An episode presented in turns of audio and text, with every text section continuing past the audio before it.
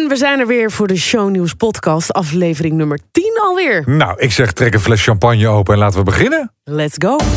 Daisy van Married at First Sight is na de finale toch nog bij Mick thuis geweest. Krijgt Rogier na de scheiding helemaal niks van Frank? Na Caroline en Adesh moet er nog iemand uit bij de Meilandjes. En Karin Bloemen is openhartig over plastische chirurgie en haar grootste angst.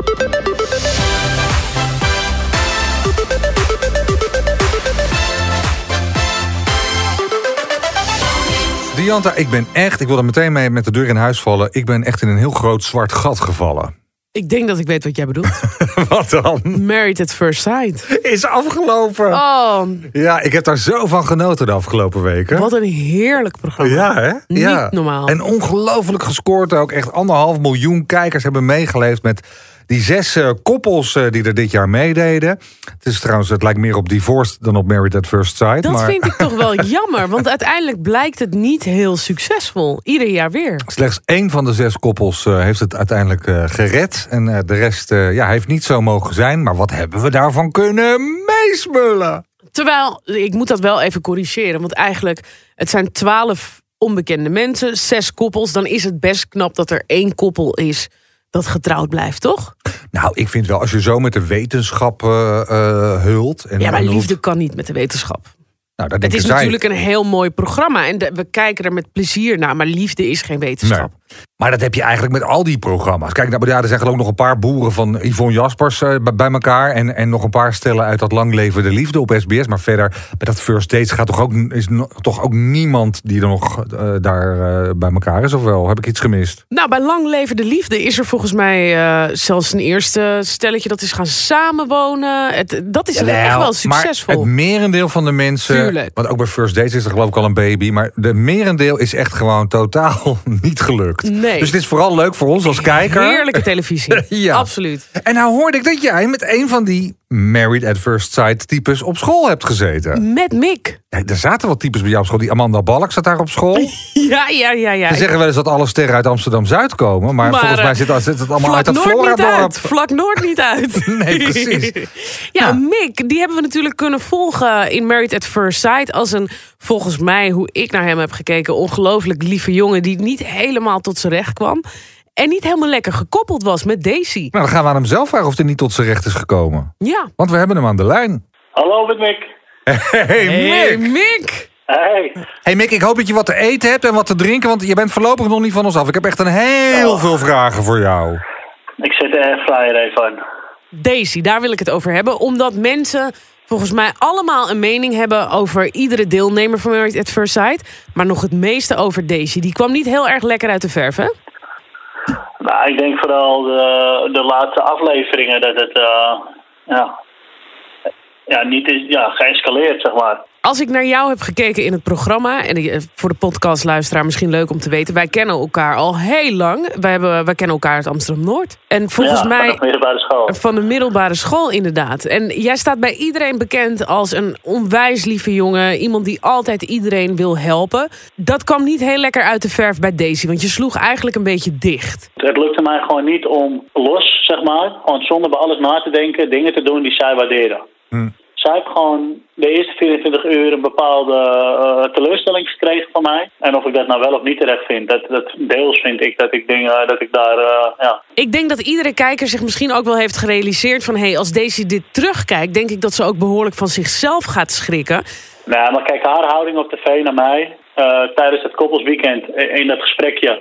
En eigenlijk nog op die bank, het afsluitgesprek. Dan ben je weer dus twee weken verder. Je zit, eh, dat is ook mijn ding. Je zit, er zitten gewoon twee weken tussen. Je mag een verklaring schrijven op woensdagochtend zonder druk, zonder camera, zonder tegenspeler. En dat er dan geen fatsoenlijke verklaring uitkomt. En dat je eigen teleurstelling het nog steeds overwint. Ja, dan hebben Pablo en Carlo ook echt wel verteld van... eh, nou, nou, het moet nou wel eigenlijk een beetje stoppen, deze houding. Want Mick heeft wel degelijk eh, zijn best gedaan. En Mick heeft wel degelijk eh, zich goed opgesteld. En Mick heeft het wel degelijk serieus genomen.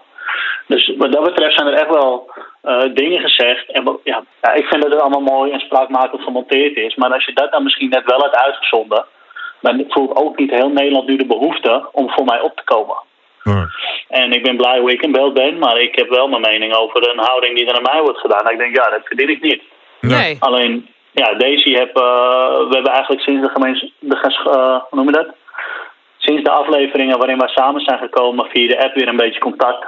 Eh, ook over het gebruik van social media en zo. En dat hebben wij wel tactisch en voorzichtig gedaan. En nou, twee weken geleden ben ik echt ook haar gebeld. Van ja, ik heb wel meer beelden gezien. Ik ben wat verder gekomen. En ja, ik wil het een en ander wel even uitspreken. En ik wil ook wel terugkomen op dingen die zijn gebeurd. En ze hebben er excuus aangeboden ook voor een bepaald aantal... Ja, in het algemeen dan voor een bepaald aantal dingetjes en, eh, en, en houding. Maar wa- wat waar- zegt zij dan tegen jou? Ja, de, tele- de teleurstelling is eigenlijk die vijf weken heb gewonnen van alle, alle redelijkheid om toch netjes en leuk te doen. Zij heeft jou gebeld. Wat heeft ze gezegd op dat moment? Ja, in eerste instantie hebben we dus een telefoongesprek gehad van 20 minuutjes. Waarin eh, ja, ik eigenlijk een heel andere persoon aan de lijn had. Ik was inmiddels natuurlijk ook wel eh, ja, een andere persoon erin van hey, ik, ik, kon redelijk praten en ik deinsde nergens voor terug. Maar het was best wel een prima gesprek en daar was ik heel positief verrast van. Alleen op dat moment had ik gewoon nog niet de behoefte van ja, weet je, dit, ik, ik had het eigenlijk achter me gelaten. Dus ik was ook heel verrast door haar belletje. En ze heeft ook gezegd van, zou jij contact met mij opnemen? Toen heb ik ook eerlijk gezegd, nee, dat, wat klaar is, is klaar bij mij. Waar heeft ze er excuus voor aangeboden? Ja, voor haar eh, houding, vooral eh, de laatste afleveringen, dat het toch wel onaardig was. En dat het niet zo gemeend was. En dat ze echt wel door heeft nu eh, dat ik het allemaal wel goed bedoeld heb. Nou, dat is ook wel weer lief dan, hè? Absoluut. Ja. Ik heb dat ook geaccepteerd. Ik eh, heb ook gezegd zand erover. En we hebben, ze is bij mij geweest, ook even kort, een uurtje, Hoe was dat vorige dan? week. Oh, dat lijkt me heel ongemakkelijk. Vertel. Ja, aan de ene kant was het ongemakkelijk. Alleen zij kwam eh, best wel enthousiast binnen. Alleen, ja, en bij mij is er gewoon wel wat geknakt vooraf. Alleen in dat gesprek, dat ging gewoon een uur. En dat is gewoon heel relaxed eh, gebleven. Toen hebben we ook benoemd, ja, de eerste avond, de terugdag van de bruiloft. Eh, ja, dingen die niet goed zijn gezegd. Dingen die ik beter had kunnen doen. Dingen dat zij beter had kunnen doen. Dat zij me misschien meer eh, het initiatief had kunnen geven ook. Want ze vroeg of ik het initiatief wou nemen. Maar vervolgens voelde ik heel weinig ruimte om het initiatief te nemen. Eh, ja, dat soort dingen, dat zijn gewoon te sprake gekomen. En ja, dat, nee, weet je, het is gewoon goed zo. Alleen het is wel... eh, ik ben ook niet harddragend, maar... Het is toch wel fijn dat je elkaar even hebt aangekeken. Het is niet dat je even een one-night stand de deur uittrapt. Je bent zelfs met elkaar getrouwd en gescheiden. Ja. Ja, je hebt ook een bepaalde verantwoordelijkheid. En ja, en de afgelopen weken hebben we nog een paar keer contact gehad. Eh, Hoe gaat zij om met alle kritiek? ik weet niet alles, maar er worden tegen mij wel dingen gezegd dat er ja, berichten op verschillende manieren haar kant op komen. Via een telefoon, via Facebook, Instagram, mail. Ja, er gebeuren gewoon dingen die gewoon absoluut niet mogen als je deelneemt aan een programma natuurlijk. Er komt ongelooflijk veel op je af. Heel veel reacties. Zit daar een leuke dame tussen? Ik heb, eh, ik heb eigenlijk sinds een weekje nu echt wel contact met iemand. Dat is iemand die eh, eigenlijk de juiste dingetjes naar mij stuurt. En eh, net even over en weer de interesse heeft. En ook even Wat de rust stuurt ze dan, dat- Mick? Want, want je krijgt zoveel berichten. Dan is er één persoon voor jou die opvalt. Waarin viel zij op? ik moet nou wel oppassen hoor. Nee, maar je kan eh, tegen ons alles vertellen. Dit was net het meisje wat de juiste mix had tussen lief en eh, tegengas. En ja, ik had daar misschien net op die dag of op dat moment behoefte aan. En het is zo nu gegroeid, we hebben leuk contact. Alleen, eh, ik, heb, ik, we hebben elkaar nog niet gezien hoor. En ik weet ook niet nu of dat, eh, of dat snel gaat gebeuren. Want we hebben allebei nu wel eh, hebben druk. Alleen die intentie is er wel. Alleen, Maar voel je daar al iets van bij? Heb je al iets van kriebels in je buik? ik heb niet zo snel kriebels. Maar het voelt wel goed. Want ik heb alles wat, wat, waar ik echt dacht... ja, maar gewoon te lief ook. En ja, ik heb het eigenlijk heb ik het proberen te stoppen. En op de andere dag kwam er één aan. En er was zo een, een gespreks eh, onderling. Wat gewoon goed is. En daar heb ik gewoon de afgelopen week heel erg behoefte aan. En ja, Nou, wat ik zie fijn. wel hoe dat zich ontwikkelt. Gescheiden, maar misschien nog voor het eind van dit jaar alsnog getrouwd. Nou, we hebben nog een lang jaar, hè? ja, precies. Absoluut. Ja, nog maar. Mick, jouw goede vriendin Monique Smit... die heeft Ja. jou opgegeven. Heeft zij ergens in dit proces nog gezegd... lieve schat, wat heb ik jou aangedaan? Nee. Het enige wat Monique gedaan heeft, is mijn naam ingevuld en twee foto's ingestuurd. Vanaf dat moment heb ik alles zelf gedaan. Toen ik Tuurlijk. bij de casting aankwam, had ik een, gelijk een klik met de mensen van. Ik Tuurlijk, tuurlijk, tuurlijk. Maar Mick. Mick, Mick, Mick, Mick, In het proces zelf zij... Niet te stoppen. Niet Maar- te stoppen. Maar Mick, zij heeft dit nu teruggekeken op tv. Ja, zij is ja. degene die jouw naam heeft ingevuld. Maar jullie zijn vrienden. Wat vindt Monique van dit proces? Ik heb één keer bij haar aan de bel getrokken. Dat was de tweede of derde dag in Portugal. Toen heeft Monique me keihard van mijn flikker gegeven. En heb ze gezegd, Mick, eikel, stop nou eens met opgeven, maak er wat van. Vervolgens heb ik dus haar in Nederland echt uitgelegd hoe ver wij uit elkaar la- lagen. En toen uh, ja, kreeg je gewoon een knuffel en uh, dat bespreek je. Ja, ze heeft totaal geen spijt gehad toen. En op een gegeven moment heeft ze me een paar keer geappt. En toen heeft ze gezegd van Mick, ik weet niet of je kijkt, maar laat de social media's even met rust. Er komen best wat dingetjes naar voren. Daar heb ik trouwens helemaal niet op gekeken, dus dat, dat scheelde weer. En toen heeft ze wel een paar keer gezegd van, oh, ja, een beetje schuldig. Een beetje van... Wat heb ik je aangedaan? Nou, nou, nee, dat niet eens, maar ze voelde zich verantwoordelijk voor mij. Ja, je bent dan ook Alleen- beschermend als ze jou met Daisy Ja. ziet. Dan kan ik me voorstellen dat zij Ja. ook een bepaalde emotie bij Daisy dat, heeft. Dat heeft ze wel, dat heeft ze een paar keer naar mij uitgesproken. Maar ja, dat doe je ook gewoon als vrienden. Dat doe ik ook met andere vrienden. Alleen toen heb ik eigenlijk al gezegd, blijf rustig. Blijf rustig. Ook tegen familie, blijf rustig. Ik Dus wist het. Als, ik wist als, als Monique jou een beetje boos appt over Daisy, dan zeg jij rustig blijven. Eh, ik heb ook echt nu wel eh, laten blijken dat ik gewoon niet blij ben met de houding. Vooral in de laatste afleveringen. Weet je, op een gegeven moment houdt het ook een keer op. Ik ben schuldbewust geweest. En ik verdien gewoon niet om met zo'n blik en met zulke woorden... eh, ja, om op tv...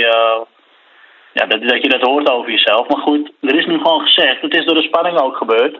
Ik denk dat het bij mij ook niet lullig bedoeld. Maar ik ben nu de grootste knuffelbeer van Nederland. En het is echt niet arrogant bedoeld. Maar ik ben omarmd door heel veel mensen. En, en dat is heel mooi. Ja, maar daardoor is het misschien voor mij ook best makkelijk om nu gewoon zo te reageren als ik nu doe.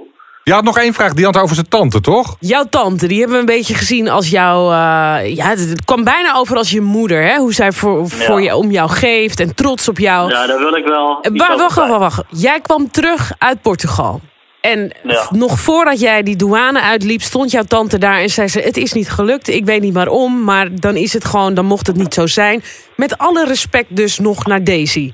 Jouw tante die heeft ook naar Married at First Sight gekeken, is volgens mij ook een heerlijke Amsterdamse vrouw. Ik kan me voorstellen dat die daar even anders in is gaan staan. Mijn tante heeft een hele uitgesproken mening, ja. Maar dat heeft mijn hele familie eigenlijk wel hoor. Iedereen, eh, zelfs mijn oma, die eh, heeft mijn bibberond eh vermeld dat ze het niet kon aanzien hoe haar kleinzoon eh, werd behandeld op tv. En wat, jullie wonen allemaal, eh, of de meeste van jullie denk ik in Amsterdam-Noord. Wat als jouw tante of de rest van jouw Nou, familie eh, Daisy tegenkomen? En mijn tante is nou eh, ja, zeer uitgesproken, maar ik denk dat je dat... het is klaar nu. Mick, we gaan jou heel veel succes wensen met die mogelijke nieuwe dame die jij op Instagram hebt, eh, hebt laten we er leren niet te kennen. veel druk, laten we er niet veel druk op leggen, want dan sla ik weer dicht. Nee, precies. Dat, En dan, maar, heb, dan heb ik mijn tante nodig. maar er zijn geen camera's bij. Dat ga je lekker op je eigen gemakje uitvinden in deze lente tijdens eh, de mooie dagen. Eh, heb daar heel veel plezier mee en eh, bedankt. We hebben van je genoten. Ik zie jullie. Dianta, ik spreek je nog wel. Yes, dikke, dikke, dikke kus voor jou. Ja, oké. Hoi. Doei, doei. Weet je waar ik zin in heb? Nou? In de eerste aflevering van eh, de Mijlandjes weer. Ja, ja, dubbel. Ben jij geen kijker? Geen vaste Jawel, kijker? ik vind de Mijlandjes heerlijk. Alleen ik, ja, misschien als moeder, ik vind het heerlijk om Kleine Claire te zien. En daar was toch wel een hoop over te doen deze week. Ja, zij mag niet meer zoveel in beeld. Hè? Of eh, ze moeten haar echt uit beeld gaan houden... om van de kinderarbeidsinspectie toestanden gedoe... want je mag een kind niet laten werken op die leeftijd. Ja.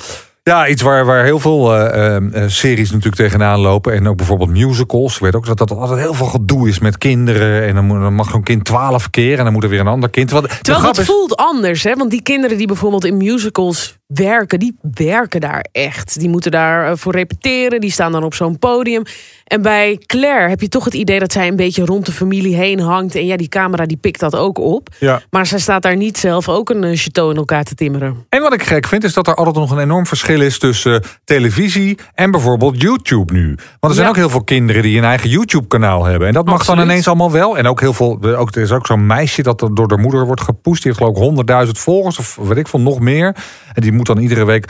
Dat is dan echt werken. En deze Claire, die zit gewoon. Ja, die zit met haar, met haar pop te spelen. En die zit bij opa achter in de auto. Maar dat, die, dat mag dus dan niet meer. Nee, wat ik er wel goed aan vind, en dat is eigenlijk een hele andere discussie, maar Ehm, ik vind het goed dat kinderen van bekende mensen op een gegeven moment zelf de keuze krijgen van hey, wil ik die camera opzoeken of niet. Eh, we zien bij op social media al dat eh, bijvoorbeeld Nicolette en Bas Smit die, die zorgen ervoor dat ze hun kinderen niet laten zien. Ali B. Dan denk ik bij de Meilandjes ook van ja, misschien wil zij dat wel helemaal niet later als ze daarop terugkijkt.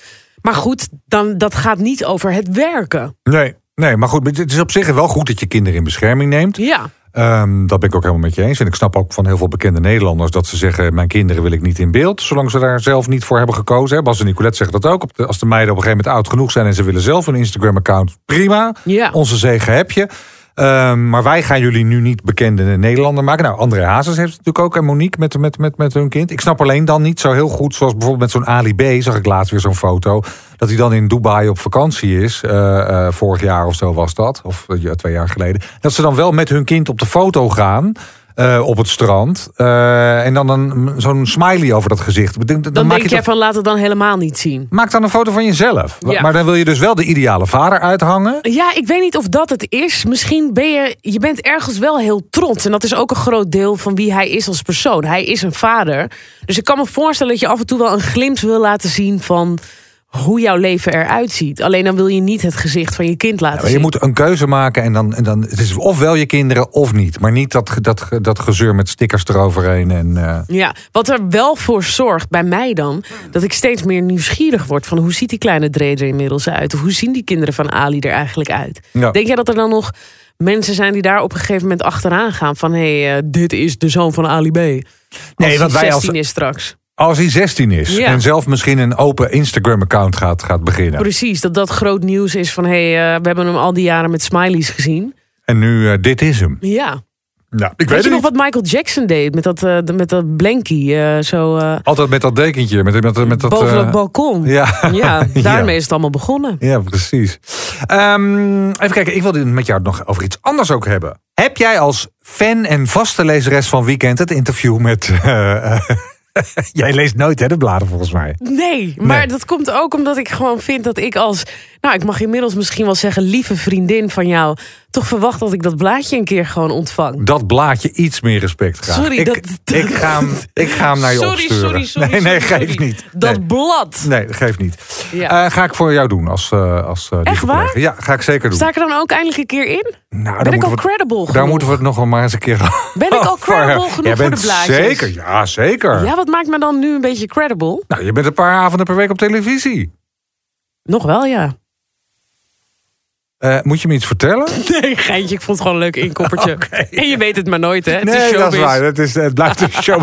Zag je mijn verbazing? Ja. Ik denk, ze gaat nu gewoon live in de podcast vertellen dat ze ermee ophoudt. Ken je die verbazing dat je het gewoon niet ziet aankomen? Ja, die ken ik, ja. Oh.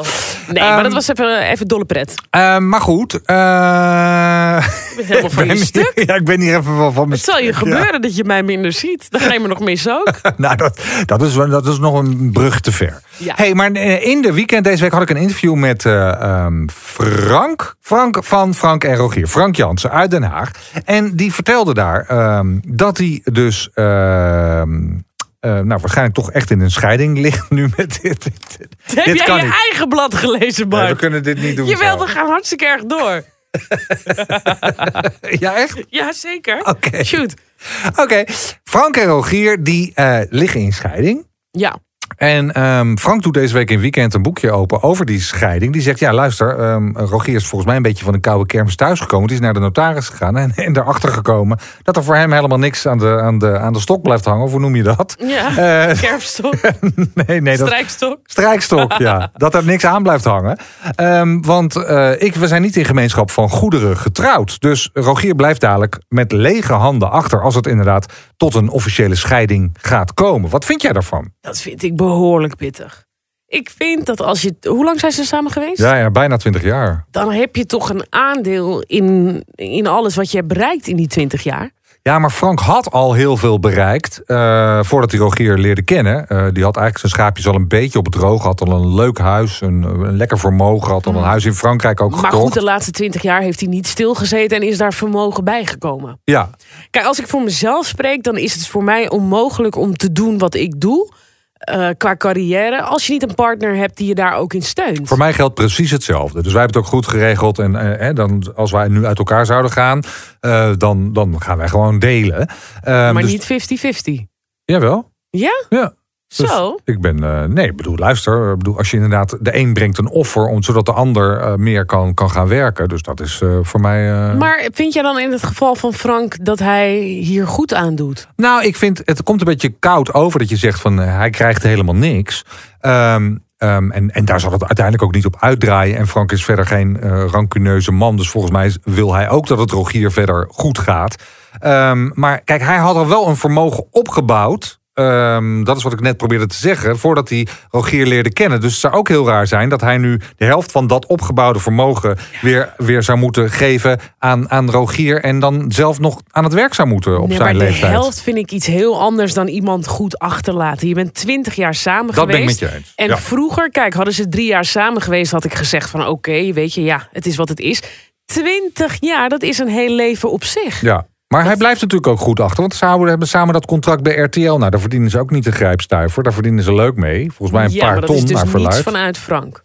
Nee, maar wel nu. Ik bedoel, als je, als je een paar ton verdient nu met dat tv-programma... dan kan hij daar natuurlijk prima zichzelf Prima van van bedruipen. ja. Ik kan me wel voorstellen, als iemand je iets heel heftigs flikt, dat je denkt van, je krijgt helemaal niets. Maar is dat hier aan de orde geweest? Weet ik niet. Weten we niet. Want dan, dan het is natuurlijk heel makkelijk oordelen Nou over ja, hij heeft, al, heeft al zijn bankgegevens op straat gegooid... en nogal wat slies en dirt eh, eh, de wereld in geholpen. Dus in die zin heeft hij hem wel wat geflikt, ja. Hmm. Ja, nou ja, to be continued. Weet je nog dat we vorige week Hans Klok aan de lijn hadden? Ja, eh, voor de vooroordelen. En die gaf toen het stokje door aan Karin Bloemen. hoe gezellig. We gaan haar bellen, hè? Ja, Hoi, dag Martin Diante. hallo, hallo. Hallo. Storen we je tijdens een breiwerkje? Nou, het is, het is zo grappig dat Hans Klok dat steeds breiwerk genoemd. Het is een haakwerkje. Ik ben Oh. helemaal beledigd. Ik ben helemaal beledigd. Wat is het verschil? Nee hoor, ik wou net zeggen, wat is het verschil tussen haken en breien? Maar dat weten we wel.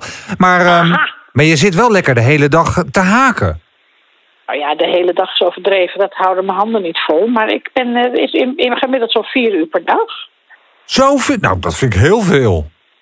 Ja, maar anders dan hou ik het. Ik heb hele mooie bestellingen van mensen die heel graag zo'n eh, gehaakt vest willen. Dus die ben ik allemaal aan het maken. En ik ben allemaal ontwerpen aan het maken van een haakboek. Oh, mooi. Dat is dus oprecht Dus een, een inkomstenbron voor jou, die haakwerkjes.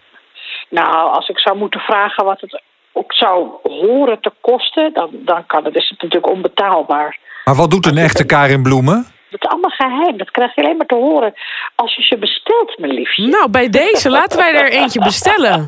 Ja, we gaan er gewoon een bestellen nu bij, Bij deze. deze. We willen er graag een met lekker veel kleur. Eh, wat, wat, wat mag dat kosten? Ik, ik heb in principe, eh, ik doe altijd de, de, de, de kosten van de wol en dan doe ik het dubbel. Dus gemiddeld komt van eh, zo'n groot vest met allemaal kleurtjes op 350 euro. En alles wat je extra wil of een hele grote maat, dan komt er gewoon heel netjes eh, weet je, wat bij. Oh, dus voor Dianta komt er wel wat bij. Ja, voor die, ja, ik denk dat er wel zo'n 70.000 euro bij komt. Absoluut, ja. Voor de extra grote maat, extra veel stof. Nou, Bart heeft ook zijn lolletje even gehad, hoor. Ja, dat is leuk hè voor Bart. Dat gunnen wij hem. Oh, heerlijk. heerlijk. Absoluut. En zo simpel is het. That's how you do it. Absoluut, zo makkelijk te pleasen. Karin, wij bellen jou met vooroordelen. Heb je zelf ideeën over wat voor vooroordelen er over jou bestaan? Ja, ik ben, mensen als ze me zien, dan denken ze altijd dat ik dikker ben dan dat ik ben. Vind ik ook altijd heel schattig. Oh, u bent in het echt helemaal niet zo dik. Zeggen mensen dat echt op Ja. straat? Ja, de, ja, en ik weet ook nog dat ik toen dat haar had, weet je wel, die, eh, die, die dreadlocks. Toen zei ook mijn vrouw, ah, ik ben blij dat je van die zwabber van je hoofd af bent. oh, bedankt. Bart, te hard, je lacht te hard. Ik vind het heel grappig. Ja, maar dat zijn echt van die Amsterdammers die dat op de markt gewoon kunnen roepen naar je. Dat is echt Amsterdams. Heerlijk. Nou, het was, nee, maar het was, het was een beetje stom. Want ik stond gewoon in de rij voor het theater. Want ik ging geloof ik naar een show van Tineke Schouten. Dus ik had er echt zin in. Want zo vaak ga ik niet uit. Want ik sta meestal zelf te werken. En dan sta je in zo'n rij. En dan zegt iemand dat. En dan denk je, nou bedankt. Want er stonden natuurlijk twintig mensen om me heen. Die ook allemaal iets hadden van... eh, ja, dit was wel een raar kapsel, hè? Ging maar door. Het ging maar En ik door. denk, en ik denk dan altijd, oh, maar ik zie er toch heel leuk uit, maar dat was het niet. Nou, dus, dus het is. ehm, en ik weet dat het vooroordeel is misschien dat ik veel te hard werk. Hey, een van de vooroordelen slaat wel op het wat waar we het net over hadden. Dat jij uren per dag voor de spiegel staat. Om, om eruit te zien als Karin Bloemen. Echt waar, uren? Nee, ik ben, nee, dat is absoluut niet waar. Dus dan hou je bij je, want jij bent dan vier uur aan het haken en dan vier uur voor de spiegel om Karin Bloemen te worden. Dus dan heb je eigenlijk een, heb je eigenlijk een dag, dagtaak aan. Ja, nee, dat zou betekenen dat ik zou zeggen, naast het werk wat ik doe, wat gemiddeld zo'n 12 uur per dag in beslag neem, als ik gewoon op tour ga, dat ik een uren tekort kom in een dag. Dat kan natuurlijk helemaal niet. Nee. Maar ben je ijdel? Sta je veel voor de spiegel? Uh, nee, ik heb, ik, ook als ik mijn make-up doe voor theater, weet je, ik doe dit werk nu 28, bijna 29 jaar. Dus ik ben zo. Is het zo? Uh, ik weet, oh god jongens, hoe oud ben ik? Shit, ik weet het niet meer. Nou, in ieder geval 38 jaar. Oh. Dus ik ben heel snel met make-uppen. Ik, ik, ik, heb eens een keer eh, in de auto moeten opmaken... omdat we in zo'n gigantische file stonden. Dat we, zou zeggen, we moesten om acht uur op... en we kwamen echt om half acht binnen. Weet je, door echt te lang in de auto gezeten te hebben. Dus ik heb in de auto in 12 minuten 34 seconden heb ik mezelf opgemaakt. En het enige wat ik dan nog hoef te doen in de, in de kleedkamer is mijn haar. En dat heb ik ook echt in zeven minuten gewoon geregeld. Nou, behalve nu dan. Want ik zag van de week een filmpje samen met Esther. Dat... ja, maar dat was gewoon een pruik en iedereen denkt dan dat het mijn echte haar is. Ik heb ooit die pruikers verkocht omdat ik dacht, misschien is dat slim. Nou, dat zag er echt niet uit. Maar je, je bent daar dus altijd lekker mee bezig, hè? Met dat je er verzorgd uit wil zien.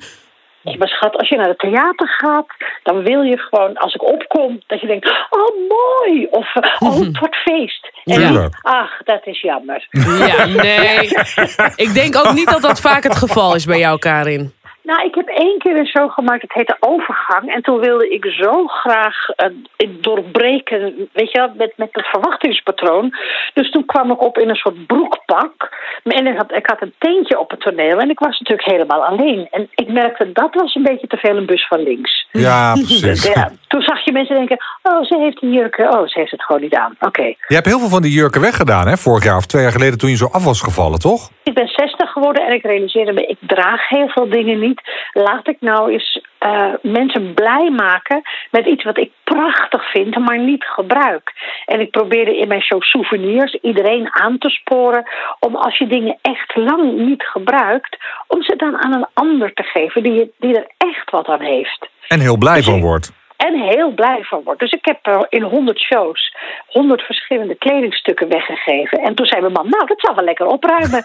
en toen liep ik mijn, liep ik mijn kledinghokken in, want het is inmiddels natuurlijk echt een hele ruimte. Toen dacht ik, nou nee. Niet Nog erg. steeds veel. Ik heb nog steeds veel te veel, ja. Maar volgens mij Maar was er wel een hoop dat uh, dat niet meer paste. Je bent 25 kilo afgevallen. Hoe is dat dan in deze coronatijd? Blijft dat er allemaal af? Wat leuk je gesproken te hebben. Tuurlijk. Ja, echt hè? nee, ja, ik praat vooral ook vanuit eigen ervaring hoor. Want ik weet, hoe meer ik thuis zit, hoe meer ik ga snijden. Het is ontzettend moeilijk. En iedereen heeft het over coronakilo's. En ik heb het eigenlijk tot ongeveer vorig jaar november heel goed op orde gehouden. En toen kwam de kerst en ik weet niet wat er gebeurde, maar een soort explosie. En ik was vijf kilo aangekomen in anderhalve maand tijd. Mm. Dus toen heb ik in januari gezegd, nou het is gelijk weer klaar. En ik ben gelijk weer naar Alizonne gegaan. En het is natuurlijk een geweldige kliniek met een geweldig uh, afvalprincipe met proteïne. Zodat je echt heel strak en heel snel ook gewicht verliest.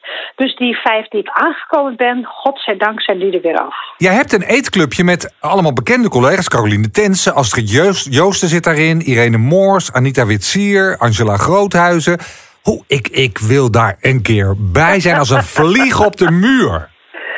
Ja, dat is ook wel heel grappig als wij dan zo met elkaar aan een tafel zitten in een restaurant. Dat kon vroeger nog, weet je nog, toen.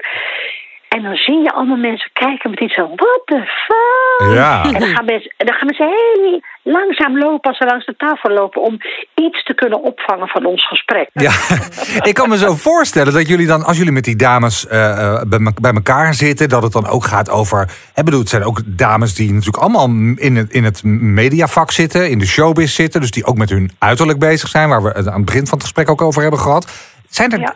zijn, zijn er al collega's die al wat hebben laten doen? Heb jij zelf wel eens al iets laten doen? Een botoxje of een dingetje of een mesje hier of daar erin laten zetten?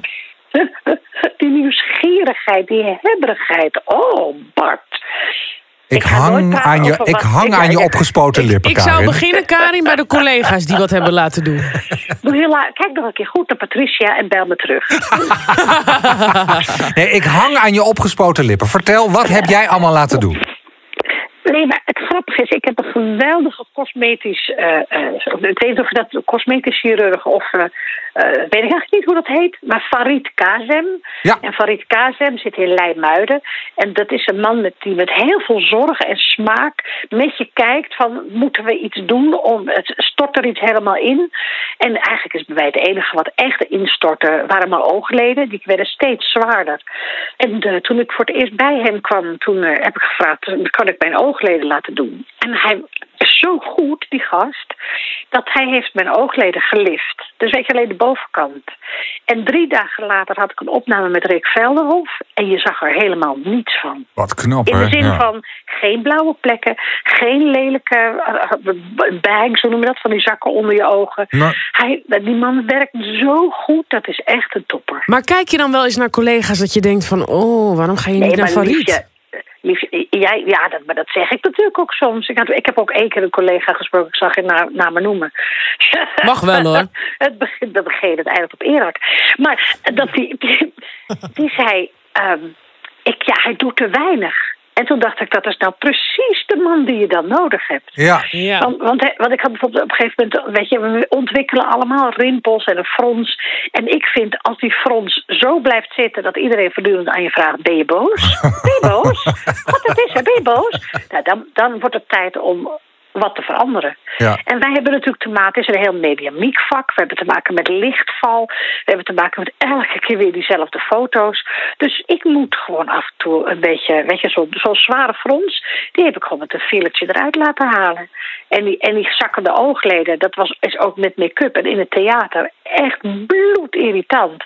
Ja, dat heb ik laten verhelpen. Hoe gaaf is dat, man, dat dat kan? Nee, maar ook heel leuk dat je daar zo eerlijk over bent. Heb je bijvoorbeeld laatst Carice van Houten gezien? Eh, nou ja, heeft volgens mij heel veel laten doen. Ja, ja precies. Want die, Ja. bo- want die boten, de meeste meiden botoxen hun voorhoofd helemaal plat. Ja. Terwijl ik denk, ik ben een actrice en ik ben een, een performer. Dus mensen moeten aan mijn gezicht kunnen zien... dit is liefde, dat is haat, dat is woede, dat is vrolijk. En als er niks meer te bewegen valt, dan denk je alleen maar... ja, zit ik nou naar een plaspop te kijken? Dat vind ik dan te veel. Maar wat vind je daar dan van dat mensen misschien zo erg voorbij gaan aan hun vak voor dat uiterlijk? Nee, maar liefje, ook Carice heeft een filmvak. En het filmdoek, als je dan op film... dan, dan, sta, je, dan sta je, eh, weet je, met een close shot... dan ben je 10 bij 10. Nou, dan ga je vanzelf wel denken... ik ga het even een beetje weg laten spuiten. Ja. Dat is wel Want anders we dan theater, ja.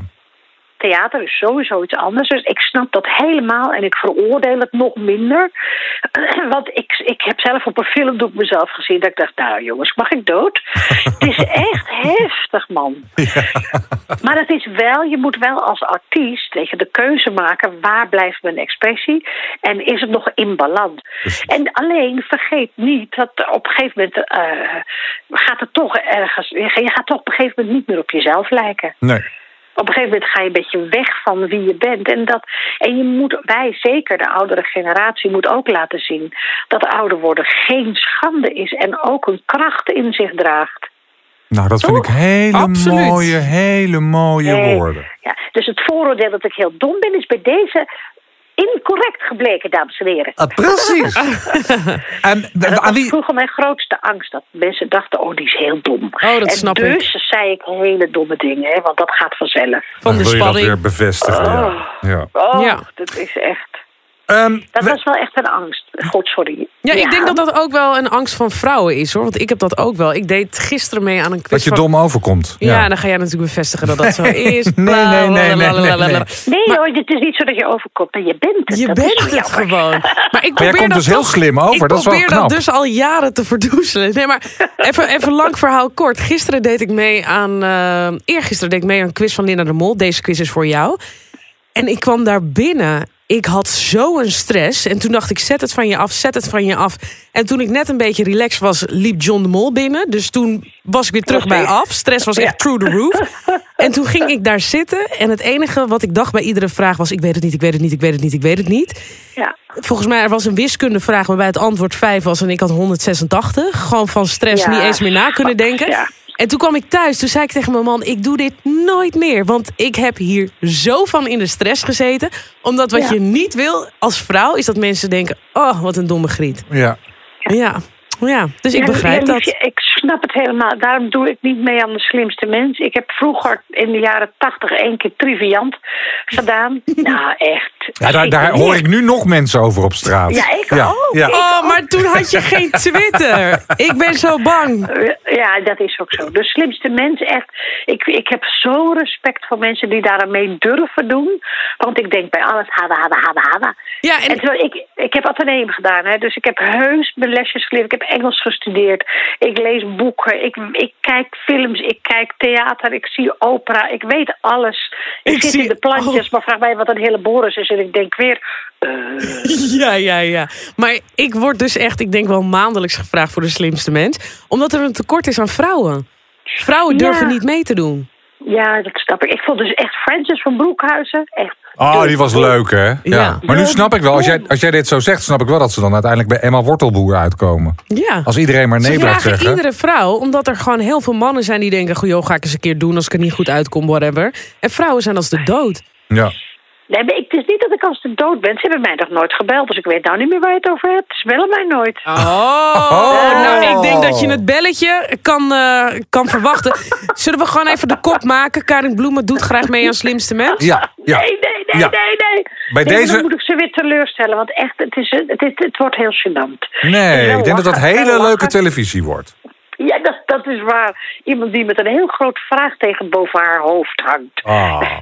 Ja. Nee, dus het, maar dat geeft ook helemaal niks. Je, moet, je kunt niet overal goed in zijn. En de slimste mens is weetjes. En ik heb echt gewoon, ik ben namen doof, data blind. En eh feit, data, mensen, namen, soorten. Schiet me neer. Maar, maar ik ben we wel doen. wezenlijk geïnteresseerd in mensen. En wezenlijk geïnteresseerd in moeilijke thema's. Maar als ik met Jatse uit moet rekenen hoeveel punten ik heb gehaald... dan weet mijn man het ongeveer een kwartier eerder dan ik. Ja, Ja. dat is toch niet leuk, jongens. Hey, ik vind jou leuk, Karin. Hey, we, we moeten volgende week weer iemand gaan bellen met weer een hele dosis vooroordelen. En die mag hij of zij dan ontkrachten. Wie moeten we van jou nou bellen en wat is het vooroordeel wat jij bij hem of haar hebt? Nou, ik vond het heel lief dat Hans mij had gekozen. En ik dacht, een van mijn liefste en oudste vriendinnen is Angela Groothuizen. Oh, En ik denk dat mensen een heleboel vooroordelen over haar hebben die absoluut niet kloppen. Dus het lijkt mij superleuk als je Angela Daar, vraagt. daarbij gelijk de eerste vraag. Wat is een vooroordeel dat er bestaat over Angela? Waarvan Nou ja. jij denkt van laat haar die maar eens even ontkrachten. Bijvoorbeeld dat ze niet zo slim is omdat ze in de Dolly Dots heeft gezeten. Hm, dus de eerste vraag aan Angela, ben je echt zo dom? Nou, ben je, of ben je echt zo slim? Eén van de twee. nou, ik vind, hem, ik vind het een leuke binnenkomer. Dat gaan we, dat gaan we volgende week eh, proberen. Mogen we je hartstikke bedanken. Je- Volgens mij brandt je appeltaart aan, dus moeten we, moet je naar de keuken. Precies. Nee, ik heb net tegen mijn man gezegd dat hij moet beginnen met koken. Ik- Ah, heerlijk. Nee, ik heb nog een haakwerkje, schat. Ik ben een prachtig vest aan het maken. Komt helemaal goed. Ja, Leuk. wij hebben er dus eentje besteld. Dus Bart, ik denk dat hij hier prachtig gaat staan. Karin, hartstikke bedankt. Ja, lieve luidjes. Jullie zijn lief. Dank je Nou, wel. jij Jij helemaal. ook. Dikke Dankjewel. kus. Oké, Bedankt voor je tijd. Hi, hi. Doei.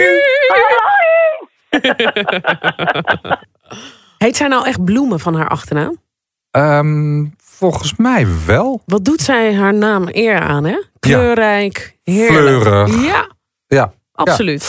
Nee, absoluut. Leuke vrouw. En eh ben ook blij met haar naam. Want Angela Groothuizen vind ik eh, altijd een, eh, een leuke verschijning. En inderdaad, fijn om haar weer eens te spreken. Dus laten we hopen dat ze opneemt volgende week. Leuk. Ja, De, we zijn aan het einde.